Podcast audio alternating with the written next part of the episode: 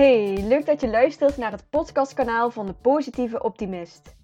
Mijn naam is Romy van den Berg en ik hoop dat ik je mede door dit kanaal de ruimte kan geven om helemaal jezelf te zijn. Met luchtigheid, spiritualiteit en een glimlach vertel ik je over mijn eigen processen en ontwikkelingen en alles wat me inspireert. Meer vrijheid, rust, vertrouwen, overvloed en overgave.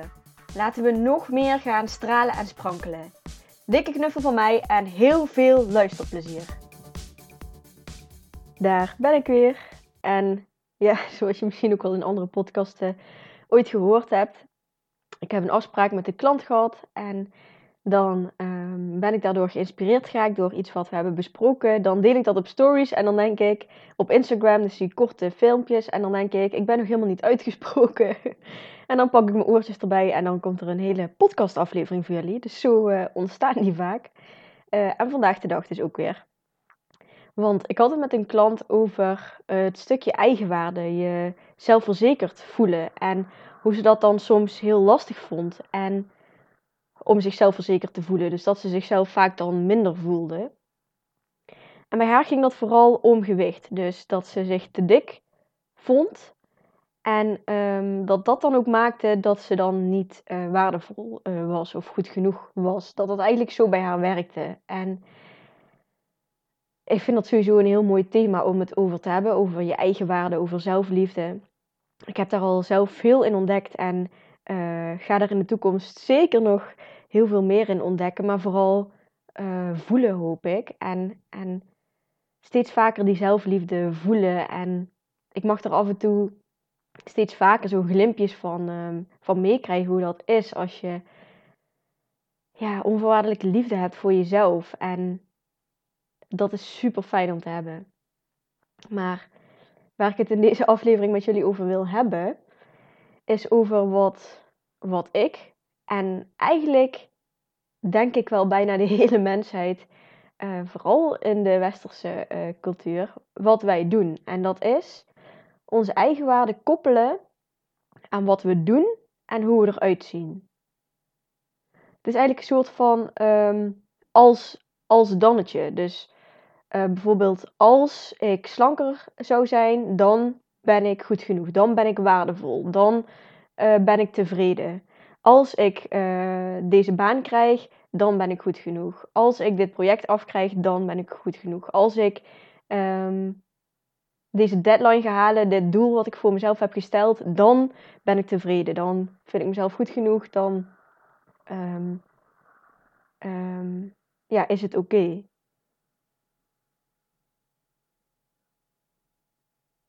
Als ik zoveel aanmeldingen binnen zou krijgen voor mijn onderneming, dan ben ik succesvol. Dan ben ik goed genoeg. Ik herken dat zelf, dat stukje. Ik heb dat zelf wel heel erg aangepakt op mijn, um, um, zeg maar op mijn, op mijn uiterlijk en op mijn gedrag. Maar ik merk dat het nu af en toe bij mijn onderneming nog zo dat tussendoor slipt. Dat ik dan mijn eigen waarde koppel aan een bepaalde uitkomst. Dus uh, dat als ik zoveel aanmeldingen binnenkrijg voor een, bepaald, uh, voor een bepaalde lancering, dat ik dan succesvol ben. Of dat het dan goed is. Of uh, uh, dat je bijvoorbeeld bepaalde volgers wil hebben. Of ja, het kan bijvoorbeeld dus ook in uiterlijk zitten dat je jezelf um, op een bepaalde manier wil kleden en dat het dan pas goed is. Of dat je op een bepaalde manier slank wil zijn of gespierd wil zijn en dat het dan pas goed genoeg is. Of uh, dat je dus die baan krijgt, dat het dan pas goed genoeg is. Of dat, dat als iemand je verteld heeft dat je er fantastisch uitziet, dat het dan pas goed genoeg is. Elke keer die als dan. Ja, dus eigenlijk ben je aan het identificeren met je gedrag en met je uiterlijk. En ik wil je even bewust maken van het feit dat jij wat je doet, dat je dat niet bent. En ook dat, dat je je uiterlijk niet bent, dat je je lichaam niet bent. En dat is goed om eens even bij stil te staan, om je te beseffen. Want dat is wel wat je doet als je dus uh, je eigenwaarde koppelt aan wat je doet of hoe je eruit ziet.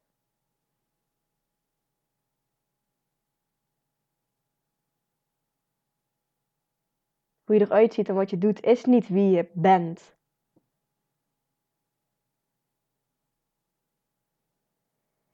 Ja, en ik denk dat met een paar voorbeelden die ik net al noemde, dat jij ook wel wat dingen kan opnoemen waar jij jezelf op kan betrappen van, oh ja, shit, hier ben ik eh, zelf ook mijn eigen waarde aan het koppelen aan ja, gedrag of uiterlijk. Die als dan, als dit gaat gebeuren, dan ben ik tevreden. Het is eigenlijk altijd met doelen. Alles wat met doelen te maken heeft, dat je ja, kijk, het kan, ook, het kan ook zijn dat je het uit puur verlangen doet en dat je helemaal oké bent met hoe het nu is. Maar vaak is het om een bepaalde leegte in te vullen. En dat is niet vanuit de goede intentie, vanuit de, vanuit de goede hoek. Want dan kan ik iets verklappen. Als je dat bereikt hebt, dan komt er wel iets anders waar je dan naar streeft om dan goed genoeg te zijn of uh, jezelf het waard te vinden dat gaat echt niet ophouden met wat je nu in gedachten hebt, met dat je dan ehm, volledig bent, compleet bent, uh, geliefd wordt, en wat dan ook. Dan gaat er echt weer iets nieuws komen. Want je zoekt het extern en het is zo fijn als je het intern gaat zoeken. Dat je niets nodig hebt om in die zelfliefde modus te zitten. In onvoorwaardelijke liefde voor jezelf en goed genoeg voelen. Het is zo fijn als je externe gebeurtenissen, omstandigheden kan loskoppelen daarvan, van die uitkomst van hoe jij over jezelf uh, voelt.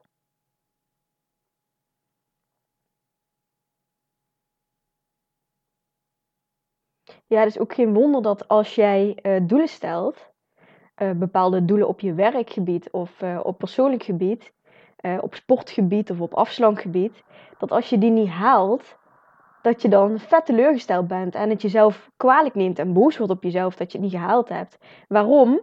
Omdat het gekoppeld is aan jouw eigen waarde.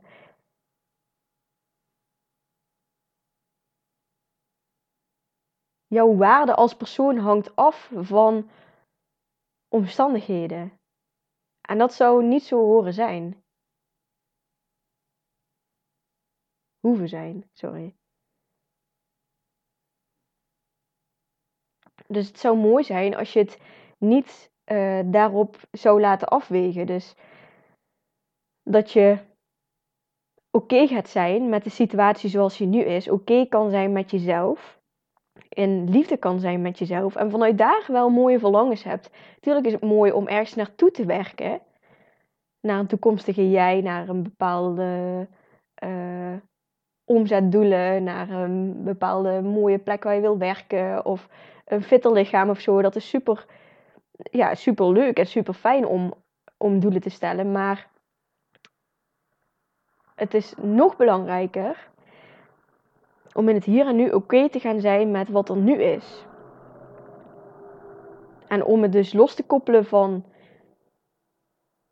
van wie je bent. Dus je niet te identificeren met die dingen, maar het als iets los te zien. Ik hoop dat je dan begrijpt wat ik bedoel.